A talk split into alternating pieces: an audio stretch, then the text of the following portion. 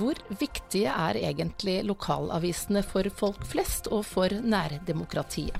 Og hvordan har den digitale utviklingen og fremveksten av digital brukerbetaling påvirket oppslutningen om lokalavisene? Det er tema for dagens utgave av Den norske mediepodden. Jeg heter Mari Welsand og er direktør i Medietilsynet. Norge er jo i verdensklasse når det gjelder avislesing, ikke minst takket være de mange lokalavisene vi har rundt omkring i landet. Men både lesing og annonsering på papir har gått ned i takt med den digitale utviklingen, og de fleste lokalaviser har de siste årene vært gjennom krevende tider. Digital brukerbetaling har vært et viktig tiltak for mange, og det er dagens tema i Mediepodden. Jeg har med Ragnhild Olsen, som er stipendiat på Høgskolen BI. Hun har forsket på ulike temaer relatert til lokalaviser og brukerbetaling. Jostein Larsen Østring, direktør for innholdsutvikling i Amedia, og Pål Enghaug, som er ansvarlig redaktør i Moss Avis. Velkommen til eh, dere alle. Og vi starter eh, hos deg, Ragnhild. Det kan være greit å få noen fakta på bordet først.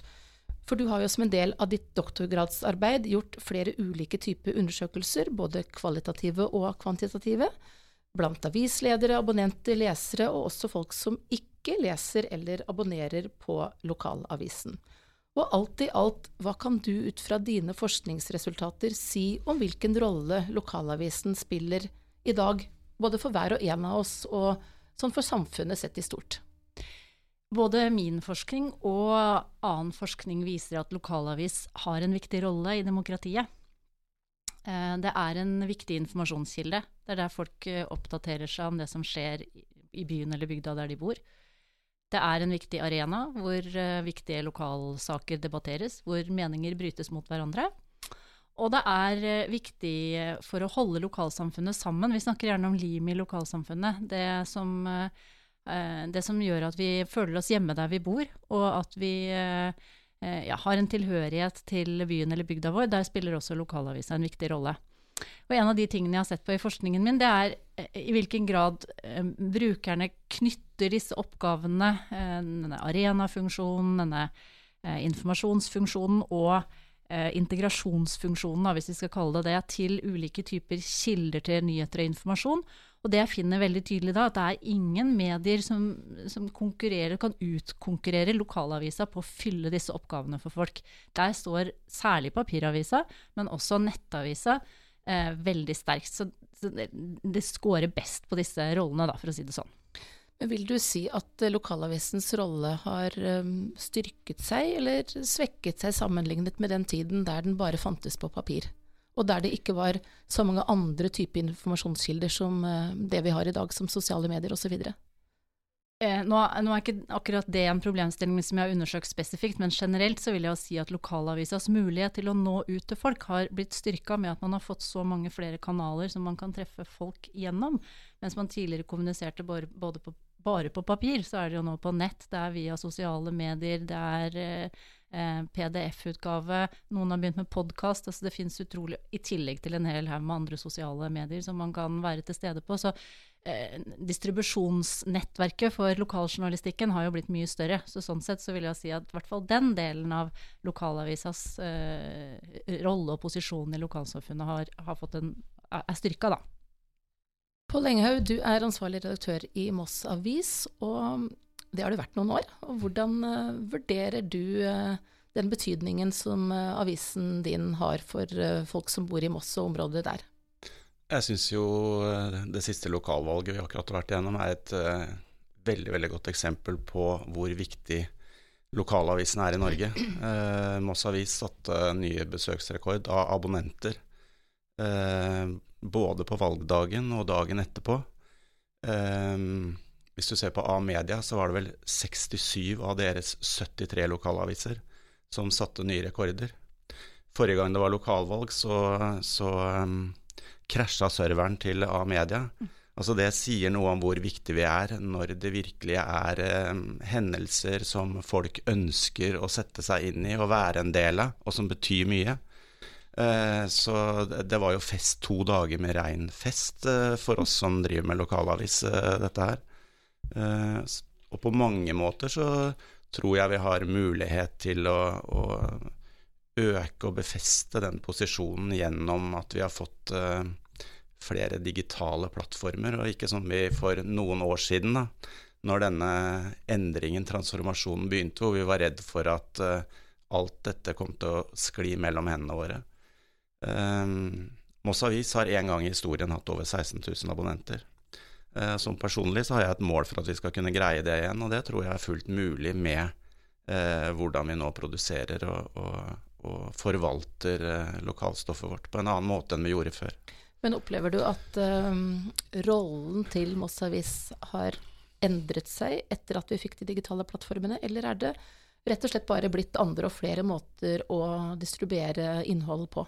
Nei, jeg mener Jeg har vært nødt til å gå noen runder med journalistikken min. Eh, fordi jeg mener at rollen har endret seg fordi at vi er tilgjengelige, og vi er til stede eh, egentlig 24-7. Så krav til hurtighet og tilstedeværelse? Ja, men det betyr også noe om hva slags stoffmiks du er nødt til å tilby folk. Det kan ikke være sånn at du skal lese Eh, eh, viktige politiske saker hele tiden. Du må ha en miks som gjør at, eh, at, folk som abonnerer på deg, syns det er interessant, at de får informasjon, og at det til en viss grad også blir litt underholdet, underholdet avhengig av hvilket tidspunkt på døgnet du, du, går inn og leser oss. Da. Og jeg tror det er viktig at vi greier å holde den miksen. Ragnhild, din forskning viser jo at uh, mens en god del ser verdien av å betale for lokale nyheter, så er det også en del som ikke gjør det. Og hvem er det først og fremst som ikke er uh, betalingsvillige når det gjelder uh, lokale nyheter? Jeg ser en klar sammenheng mellom betalingsvilje og alder. Det er ikke bare i min forskning, men det ser vi i andre, andre bidrag også på feltet. At det er en økende betalingsvilje med alder. Uh, og jeg har gjort et stykke arbeid hvor jeg har gått inn og snakket med eh, lokalavisabonnenter og de som ikke abonnerer, for å snakke litt om deres relasjon til lokale nyheter. Da. Og hvis vi tar utgangspunkt i de som eh, vil betale først, så forteller jo de om en veldig sterk verdiopplevelse av, lokale, av den lokale journalistikken. De kan ikke tenke seg hverdagen uten, og er veldig sterkt knyttet til lokalavisa si. Mens blant de som ikke vil betale, så finner vi eh, veldig andre verdivurderinger. De opplever lokaljournalistikken som irrelevant for dem. De eh, opplever ikke den samme tilknytningen verken til lokaljournalistikken eller til lokalsamfunnet. Og de har en mye løsere tilknytning til eh, lokaljournalistikken. Og det er også flere yngre enn eldre som da har den tilnærmingen? Ja, jeg, i dette som jeg har snakket om sist nå, så har jeg spesielt sett på det som kan definere som yngre voksne. I hvert fall ikke eh, segmentet mellom 27 og 44-45 var det vel jeg hadde inne og gjorde intervju med. Eh, og da, det, det, er jo en gruppe som um, tradisjonelt har vært, eh, og som jeg tror også vil være veldig viktig for lokalavisene fremover, for å rekruttere nye abonnenter. Det har vært en, en, en, et segment hvor man har vært vant til at man har, har startet et lokalavisabonnement, fordi det er en del av det å starte familie og få barn og slå seg til i et lokalsamfunn. Den Eh, den, eh, det kundeforholdet er, er, ikke så vanlig som det var for, eh, for, noen år siden. Det er ikke så naturlig å starte abonnement når man starter familie. Jostein Larsen Østring, du er direktør for innholdsutvikling i Amedia. Dere har jo mange aviser over hele landet. og Kjenner du deg igjen i det som Ragnhild beskriver her, at disse unge voksne er vanskelige å få tak i i forhold til det å betale for et avisabonnement? Jeg kan i hvert fall si at de eh, er ikke så til stede blant våre abonnenter som de, eh, godt, eller de voksne, hvis vi kan kalle dem det, over 45. Eh, vi ser eh, helt tydelig at vi um, har en langt lavere penetrasjon blant unge under 45 år eh, sammenligna med eldre grupper. Og det, det som er positivt, er at vi ser samtidig at vi har en vekst i de gruppene som faktisk er ganske betydelig. Altså, Lokalavisene til Amedia hadde ikke hatt den abonnementsveksten vi har hatt de siste årene, om det ikke hadde vært fordi vi rekrutterer en del abonnenter i unge aldersgrupper. Så det er eh, en positiv utvikling, er det det du sier nå? Det er i hvert fall sånn at um, det at vi har begynt å selge digitale abonnement, og at det produktet har festa seg i markedet, sannsynligvis sammen med at mange andre digitale abonnementsprodukter de siste årene har kommet inn i markedet, gjør at lokalavisa er aktuell, mer aktuell nå å abonnere for, eh, for unge mennesker enn for noen få år siden. Altså Vi har styrka oss sammenligna med da vi på slutten av den tida der vi bare solgte eh, komplett, altså papirabonnement, eh, så har vi styrka oss en del i de gruppene. Men fortsatt er det et veldig stort potensial der. Men hva gjør dere sånn helt konkret da for å nå denne gruppen som eh, er mer krevende å få tak i enn de som er eldre? Nei, vi gjør jo en god del analyser i alle fall, og så bruker avisene eh, det til å eh, jobbe med journalistikken sin. Og det vi Går ser, det på innhold, rett og slett? Ja. At det er annen type innhold som treffer de som er yngre? Det er helt riktig, og det er ikke nødvendigvis um, Det er ikke nødvendigvis så forskjellig journalistikk, men det handler om relevans. Altså, den viktigste tingen som eh, vi ser i tallene, Um, det er at uh, det er et litt annet perspektiv på den journalistikken som spesielt yngre mennesker eh, er eh, interessert i. Og bare så det er sagt, yngre mennesker er akkurat like ulike som voksne mennesker. Altså folk har forskjellige interesser og den type ting.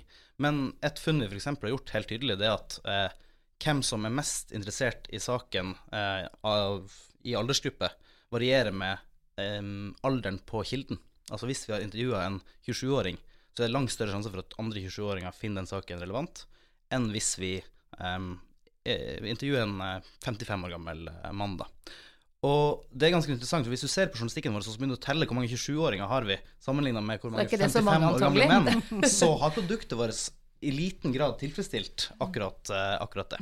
Ja, hvordan er det, Pål i Mossavis? Hvor mange kilder har dere under 30 år? Nei, vi har jo nå hatt eh, inne og fått høre fra noen prosjekter som jobber med å skaffe og se på yngre kilder, men det er jo heller ikke så rart eh, at eh, det blir sånn med kildene. fordi at hvis du ser på alderssammensetningen i norske lokalaviser, eh, så er nok de eh, også av den voksne sorten. Eh, sånn at eh, i Moss Avis eh, så er jeg opptatt av at vi skal kunne rekruttere nå eh, yngre eh, journalister, sånn at vi greier å få en form for aldersbalanse i redaksjonen.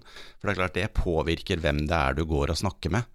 Eh, Så det er også en viktig del i å få denne gruppen inn til oss, samtidig som vi må ha mye større bevissthet på det.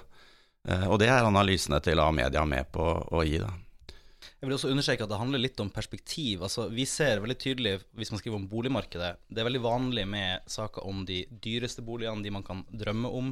Eh, men hvis vi skriver om eh, hvordan man kan kjøpe seg sin første bolig, så er det noe som treffer rett på eh, den målgruppa vi prøver å nå her, da. Så jeg har til en viss grad tro på at eh, den svake posisjonen vi har blant yngre foreløpig blant abonnentene våre, har sammenheng med hva vi historisk har gjort med journalistikken vår, og ikke bare med eh, på en måte en, inn, altså en betalingsvilje som sitter eh, i kroppen. Men er bevisstheten rundt dette nå blitt større, både hos redaktører og journalister? Altså Redaktører tror jeg for å snakke for meg sjøl har fått større bevissthet på veldig mye etter, for, etter en del av disse analysene. For det syns jeg har vært virkelig noe Særlig det første arbeidet av media gjorde på dette, her synes jeg har vært uh, veldig, veldig bra. Eh, men så er det jo også sånn da at eh, avisene har vel historisk sett alltid slitt med å skaffe Altså jeg, I de åra jeg jobba, så har vi alltid i redaksjonene snakket om hvordan vi skal nå unge mennesker. Eh, Sånn at problemstillingen er jo ikke ny. Men det vi har gjort nå, er jo å flytte Du har blitt yngre litt lenger, eh, sånn at eh, nå, det vi prøver å nå, er, er jo da 30 til 45, mens vi kanskje var opp, mer opptatt av når vi snakket om yngre lesere før, å nå de under 30. Eh, jeg tror du er inne på noe veldig sentralt, eh, Pål, når du sier at eh, det her har alltid vært en eh, utfordring. Jeg har sjøl jobba i Moss Avis en gang for kjempelenge siden, og da holdt man også på å snakke om uh, unge lesere. Så helt åpenbart uh, en, uh, et problem som har vært med bransjen lenge. Men konkurransen, omgivelsene som lokalavisene konkurrerer i, er veldig annerledes. Og det finnes så utrolig mye annet å bruke tiden sin og pengene sine på. at, at det er selvsagt en faktor som gjør det ekstra utfordrende å få folk til å investere i lokaljournalistikk, da.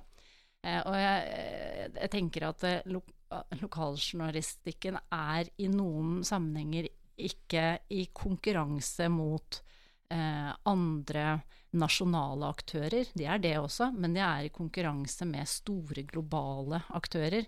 Eh, for noen av de som jeg snakket med f.eks., så var det like interessant å lese om det som var deres eh, hjertetema på The Guardian eller i New York Times enn i lokalavisen. Og det er klart at du har et helt annet tilbud å forholde seg til, da. Og det ser vi vel særlig på de unge, at de i stor grad konsumerer eh, internasjonalt innhold, for å si det sånn. Til å begynne med så var jo lokalavisenes eh, innhold på nett både åpent og, og, gratis, men etter hvert som abonnenter og inntekter forsvant fra papir, så har de aller fleste innført såkalte betalingsmurer og digital brukerbetaling. Og Ragnhild, hva sier din forskning om i hvilken grad lokalavisene har lyktes med denne strategien?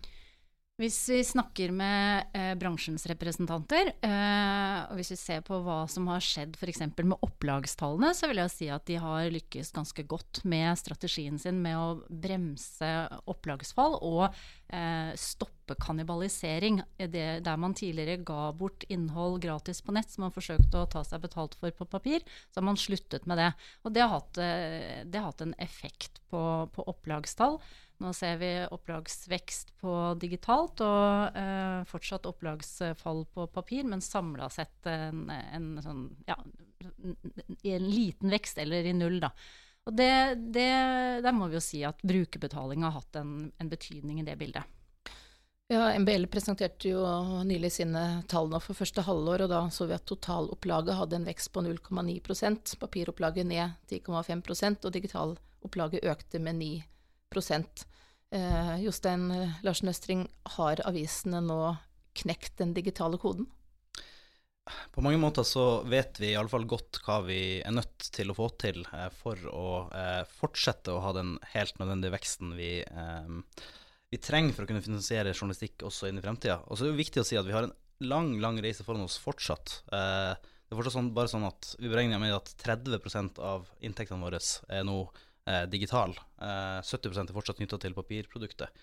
Vi er nødt til å fortsette å jobbe med å, eh, å nå nye lesegrupper. Vi er nødt til å forbedre produktene videre. Og det Så ja, vi har kommet et stykke på vei, men vi har langt igjen, altså. Men tror du at um, altså vi i dag um, vi er jo villige til å betale for et avisabonnement som på mange måter er det samme som vi gjorde da det var papiravis. Så får vi nå innholdet digitalt. Og selv om nettavisen ser litt annerledes ut, så er det jo på mange måter et aviskonsept. Men tror du at våre barn igjen vil være villige til å betale etter en sånn eh, modell? Jeg håper det, og jeg, tr jeg, tror at det er mulig. Altså, jeg tror at journalistikken eh, bør være interessant, eh, men at vi har en stor jobb med å eh, fremstille den på en måte som gjør den attraktiv for yngre grupper som er vant til å bruke eh, produkter med kjempehøy kvalitet, eh, som er vant med en brukeropplevelse som er eh, definert i Silicon Valley. Altså, eh, og vi må henge med på, eh, på den reisa også, hvis vi skal lykkes med å få folk til å være villige til å betale og konsumere oss. Hva tror du, Ragnhild, ut fra de du har snakket med i din forskning? Uh, nei, jeg tror at det med relevans er helt avgjørende, som vi har vært inne på. Det forteller uh, kildene mine, og det går fram av det kvantitative materialet også, at relevans er helt avgjørende for at folk skal ville betale for noe. Um, når det gjelder uh, avisøkonomien, så skjer det jo noe ganske dramatisk nå i forhold til miksen i inntekter. fordi det, der man tidligere hadde en, et fokus på annonseinntekter, særlig på nett, så har man gått over til å ha mer fokus på brukerinntekter. Eh, men nettjournalistikken er som annen journalistikk eh, har noen kvaliteter ved seg som gjør det til sånn, Det har sånne offentlig gode kvaliteter som gjør at det er eh, underfinansiering i brukermarkedet, i den forstand at viljen til å betale for det det koster å produsere journalistikken, er mindre enn det man kunne ønske seg. Ergo må man finne andre måter å subsidiere det på. Og det har, har jo i papirverden vært sånn at annonser har finansiert og subsidiert produksjonen. Eh, hvis man eh, nå ser for seg at man skal gå over til en stadig større grad brukerfinansiert journalistikk, da, så, så, blir det jo veldig mye kostnader som legges på brukeren. Så det er jeg litt sånn spent på å høre hva, hva bransjen tenker om, og hvordan man skal få det stykket til å gå opp. Ja, Jostein, hva tenker du om det? Altså, um, hva jeg tenker om hva, egentlig. For det, det var et, det var et resonnement. Ja, det at brukerinntektene blir så viktig, da, at uh, altså, da må det være skikkelig betalingsvilje i markedet. Jeg oppfatter at det er det du ja, er det utfordrer litt, Ragnhild? Til, ja. til å dekke bortfallet av annonser, er vel kanskje Altså, per nå så har vi hatt en så stor uh, vekst i opplagsinntekter at medias redaksjoner har kunnet gå helskinna ut av uh, hvert eneste år i uh, noen, år, noen, år, nå. Men det er klart det er fortsatt mye annonseinntekter, spesielt knyttet til papir, som kommer til å forsvinne litt etter litt.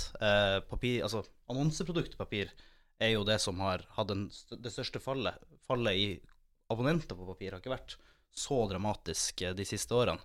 Um, så Tida vil vise hvordan dette eh, skal la seg gjøre, men vi er mest opptatt av hva vi, hva vi, er nødt til å gjøre for å, eh, for å klare dette år for år. Skiftet kom jo for, egentlig for et par år siden. Da opplevde jo vi at eh, for å si brukerbetaling, da, altså opplagsinntektene våre, var større enn annonseinntektene. Eh, og det, det, er jo vel det man på fint kaller et paradigmeskifte i, i avisøkonomi. Eh, så, så er, vi har jo på sett og vis tatt det steget, og så er man jo på ingen måte i mål. Den uh, teknologiske utviklingen har gjort det enklere for oss å vite noe om både hva folk leser og ikke leser, og hva de er villige til å betale for. Um, på hvilken måte vil dere si at den digitaliseringen har påvirket innholdet? Det jeg syns er hyggelig, da, og som jeg prøver å si hver gang jeg snakker om det, det er faktisk at uh, det er journalistikk om viktige temaer som eh, som for å bruke ordet selger. Eh, valget, lokalvalget, er et veldig godt eksempel på det. Eh, vi ser at eh, økonomijournalistikk, lokal økonomijournalistikk, det ønsker folk å betale for. Eh, så det er viktige temaer som, som selger journalistikken vår, og det er jo oppløftende, syns jeg. Ja, jeg kan bare støtte det. Jeg har sjøl jobba i Nordlys fra den tida der vi jobba mot spredning på nett.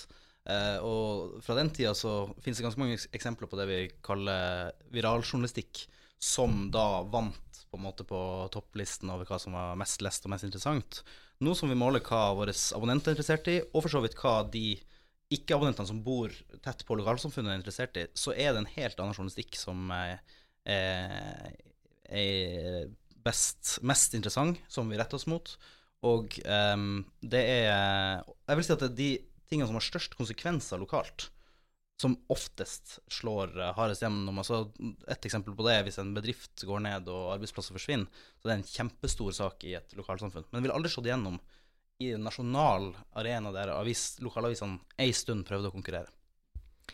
Litt mer om dette med brukerbetaling, eh, Ragnhild. Ut fra det du har eh, funnet i din forskning, er det en fare for at det med brukerbetaling bidrar til å øke informasjonsgapet i befolkningen? Altså at vi får et slags eh, digitalt klasseskille? Ja, jeg, jeg, jeg syns vi må kunne ha lov til å bekymre oss litt over det at det er noen grupper som er mindre villige til å betale enn andre, og hva slags konsekvenser det kan få på lengre sikt. Eh, vi har gjennomført en undersøkelse hvor vi ser, hvor vi sammenligner den, det tilbudet som lokalavisene kommer med bak betalingsmur, med oppfatningen av verdi i ulike brukergrupper. Og da ser vi at det er særlig yngre brukere, da, som vi har vært inne på tidligere. Lavere inntektsgrupper, de med lavere utdanning eh, og de med lavere nyhetsinteresse. Som, eh, som mindre, eh, er mindre tilbøyelige til å ville abonnere og til å betale for, eh, for innhold bak, eh, bak, en betalingsmur, eller hva vi nå kaller det. og det er jo i et demokratisk perspektiv en utfordring. Og det er på en måte sånn det, det, er, det, er, jo sånn at Lokalavisene må jo finne en måte å hente inntekter på. Så det at de har nå klart å snu det som var en veldig negativ trend, og faktisk lykkes ganske bra med å, å få på plass abonnementsløsninger digitalt, det må, det, det må, vi si er bra på en måte for både bransjen og for demokratiet. Men så er det liksom en, en, skyggeside ved dette her, og det er disse mulige gapene mellom de som ikke vil betale, som ikke syns de kan betale, eller som prioriterer annerledes, og som da kanskje er lavere eh, utdanna og, og, har eh, lavere inntekt osv. Mm. Det er jo forskjeller vi ser egentlig flere sammenhenger. Vi gjorde akkurat en undersøkelse i Medietilsynet om dette med debattdeltakelse, og der mm. så vi egentlig akkurat det samme bildet som du trekker opp her. Det var alder og utdanning og inntekt som, uh, som spilte inn. Og så er spørsmålet er dette forskjeller som egentlig alltid har vært der, eller blir de forsterket, uh, disse ulikhetene, av det digitale? Hva tenker dere om det? Jeg tenker jo at uh, Det er det andre spørsmålet. Er det noe større forskjeller nå enn det alltid har vært? Det har alltid kostet å holde avis, og det har alltid gjort et visst innhogg i privatøkonomien. Eh, så da er jo spørsmålet er det noe verre nå? Er det noe verre med det digitale enn det var når vi var utelukkende på papir? Ja, er det det? Nei, jeg tror ikke det, da. Men eh, jeg har ikke noe forskningsmessig belegg for å si verken det ene og det andre. Men jeg tror ikke det. Ragnhild, eh. hva tenker du? Det er, som jeg var inne på tidligere, i hvert fall veldig mye lettere å bruke og fylle tiden sin med andre ting enn journalistikk. Det, det tror jeg vi kan enes om. At det er et annet det er et annet informasjonssamfunn vi lever i nå. Eh, og så er det spørsmål da hva som kan gjøres for å stimulere eh, yngre mennesker, unge voksne, til å, eh, å, å bruke journalistikk. Og da er det ikke sikkert at alt kan legges på lokalavisene heller. Kanskje er det sånn at man må tenke andre måter å forsøke å stimulere til bruk på. At man kan bruke mediepolitiske virkemidler. Det kan jo være at vi skal åpne den døren også, og diskutere hva man faktisk kan gjøre for å få folk til å interessere seg og bruke tid på journalistikk i de gruppene av befolkningen hvor vi ser at bruken er lav, da. Vi skal komme litt inn på det til, til, slutt, men jeg har lyst til å bare litt mer i, i dette med relevans. fordi at uh, forskningen din, Ragnhild, sier jo at uh, en del av de som ikke vil betale, de syns ikke at lokalavisen er relevant nok, og at lokale nyheter ikke er så viktig i deres hverdag. Um, klarer dere ikke å være relevante nok for disse gruppene, Pål? Vi kan sikkert bli enda mer relevante, og det er jo også litt i forhold til hvilke kilder eh, vi bruker. Det er selvfølgelig litt om eh, hvilke saker vi lager, og hvordan vi lager de sakene. Eh, så det er jo en konstant øvelse i å bli mer relevant hele døgnet. Eh, definitivt. Eh, ja. Det vi, det vi, heldigvis ser i hvis du, hvis du, ser på enkeltbrukere, så ser vi heldigvis at mange har den reisa at de starter med å nesten ikke besøke aviser i det hele tatt, som ikke-abonnenter. Så skjer det et eller annet som er veldig viktig for dem. Eh, kanskje handler det om en eh, skolenedleggelse eller et eller annet. De kjøper et abonnement. Og så begynner de å oppdage hva slags tilbud avisa faktisk har. Så, så, det å få det inn er liksom clouet her? Nettopp. Og vi, vi, får en god del inn, og så mister vi en del. Men det å klare å vise frem altså Selvfølgelig hvis du har opplevd at uh, avisa har kun betalte saker over en viss tid, du har slutta å oppsøke den så veldig ofte. Uh, på et eller annet tidspunkt så ser du jo rett og slett ikke hva lokalavisa har, og så er opp oppfatter du at den er ikke relevant. Det kan være historiske grunner til det også. Så Men burde må... avisene gi bort uh, mer journalistikk for å tiltrekke seg yngre lesere og uh, få det inn i trakta, for å si det sånn? Jeg tror ikke det kan være løsninga. Altså, den viktigste tingen avisene gjør for å utøve sin samfunnsrolle, er rett og slett å klare å ha råd til å lønne journalister. Altså 14 journalister gjør en vesentlig bedre jobb enn 8 for sitt lokalsamfunn. Eh, så det å på en måte åpne opp igjen, eh, gå tilbake til sånn som det var kanskje i starten av brukerbetalingsperioden, der det meste var åpent, er skummelt. Eh, men vi kan nok gjøre ting altså, Vi kan antageligvis personalisere litt, sånn at eh, ikke-abonnentene som kommer til forsiden, opplever at man finner i hvert fall noe som er for seg, og på den måten være litt mer relevant enn det vi eh, gjør i dag. Så her spiller teknologien på lag hvis vi evner å bruke den. Mm. Du var så vidt uh, inne på mediepolitikken i sted, Ragnhild. Du skal få lov å si litt om uh, det. For hva slags betydning tenker du fra ditt forskerståsted at de mediepolitiske virkemidlene har i dette bildet? Jeg, har reflektert litt rundt, uh, rundt det at man har en, en mediepolitikk som primært støtter si, mediebruk på strukturnivå, i den forstand at man, eh, man putter støtten inn i eh, enkeltmedier, i tillegg til da momsfritaket. Det fins jo ulike former for mediestøtte som vi ikke kan gå inn i detalj på nå, men det er, det er på en måte på strukturnivå. Dette her eh, har jo vært det, Dette har ligget fast gjennom flere år. Um, og spørsmålet er om man kan tenke seg noe som også da er verdt å diskutere. Kan man gjøre noe ned på individnivå? Kan man subsidiere på individnivå på en eller annen måte? Er det muligheter til å tenke seg ja, skattefradrag, eller det, altså, hva kan man tenke seg å gjøre på den måten? Det er, det, dette er ikke ferdig tenkt, og det er vel knapt nok diskutert, men det er noe som kan være verdt å, å også ha med inn i diskusjonen om hvordan mediestøtten skal se ut. da. Ja, dette forslaget har jo Det er jo en som har nevnt dette Tellef Rabe, som er doktorgradsstipendiat ved universitetet Cambridge, som har skrevet i en kronikk at uh, et konkret forslag kan være å tilby skattefradrag uh, for avisabonnement.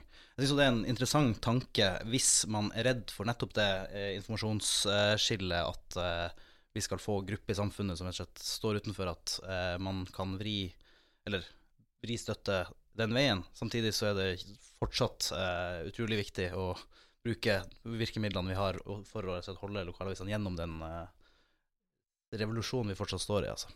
Men det er jo interessant i forhold til hvis du ser til USA nå, hvor du nærmest kan uh, Eh, man kan sitte på hvert sitt gatehjørne og ha to vidt forskjellige eh, opplevelser av hvordan samfunnet er og hva som er viktig der ute, avhengig av hvilke eh, Facebook-grupper og hvilket eh, TV-kanal med politisk tilhørighet du tilhører. Eh, og sånn sett så er jo den type eh, forslag interessante, for det er jo fremdeles viktig å prøve å lage at folk får eh, på en måte en, presentert en virkelighet eh, som man kan ha tillit til, ut fra at man over tid vet at de som jobber der, og de som leverer det til meg, de kan jeg stole på. Eh, og de har som eneste funksjon nettopp å prøve å levere et bilde av virkeligheten som ikke nødvendigvis er påvirket av både den ene og den andre politiske holdningen, eller den ene eller andre holdningen til, til hva det nå måtte være aksjoner som foregår lokalt eller nasjonalt. Nå har jo um, avisene generelt, og også lokalavisene, vært gjennom noen tøffe år med kostnadsreduksjoner, bemanningskutt, um, inntektene har falt. Og så ser det nå ut, både når vi ser på økonomien for 2018, som vi akkurat har fått tall for, og på opplagsutviklingen, som om eh, ting er i ferd med å bli litt mer stabile. Um, hvordan ser det ut fra deres uh, ståsted nå, Pål og Jostein?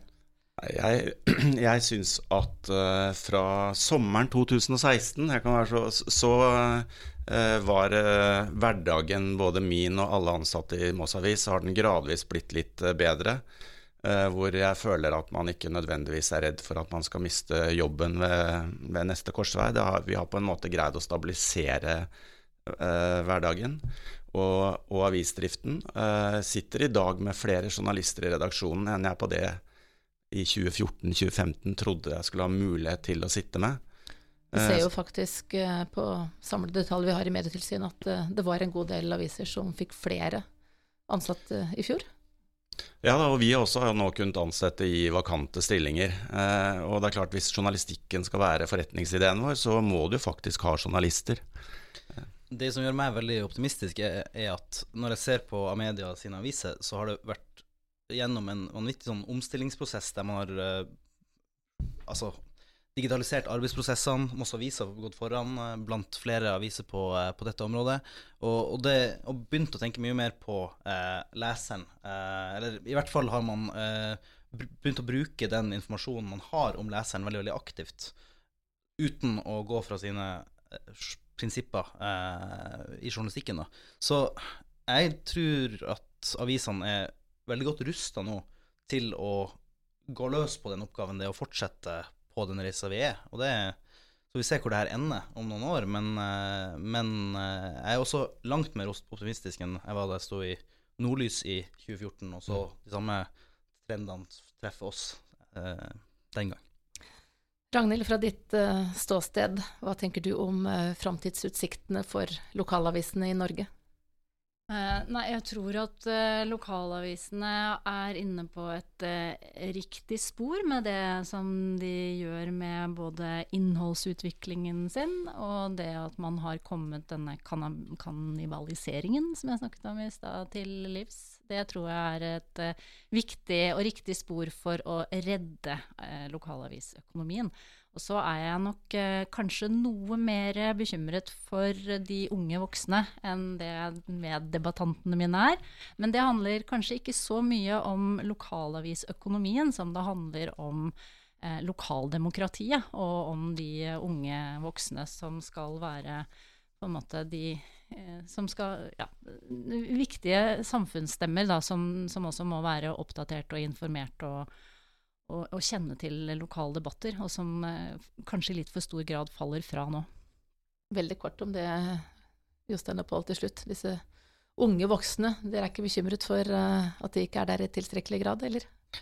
Jo, når jeg ser på tallene, så tenker jeg i hvert fall at vi, eh, vi har ikke klart det her på en god nok måte. Eh, og så kan man vel se på det som et stort potensial vi har også, hvis vi klarer å eh, gjøre journalistikken relevant for disse gruppene. Så er det mange, mange, mange, mange mennesker vi kan rekruttere som framtidige abonnenter. Så det tenker jeg i hvert fall. Jeg er også optimist, men det er klart at når du har klart deg uten et produkt, det samme har man jo sagt i all tid, hvis du greier deg uten avis eh, et gitt antall uker eller måneder, så er sjansen for at du oppsøker det igjen eh, mye, mye større. Så Én ting er å ha relevant innhold, en annen ting er at vi også må bli flinkere til å nå de som har vært uten eh, lokalavis eller avis over tid. Og det er også en utfordring. Det er godt eh, dere har med dere noen utfordringer framover også. Det får bli siste ord i denne omgang. Takk til BI-stipendiat Ragnhild Olsen, Jostein Larsen Østring, som er direktør for innholdsutvikling i Amedia, og ansvarlig redaktør Pål Enghaug i Moss Avis. Og jeg heter Mari Welsand og er direktør i Medietilsynet.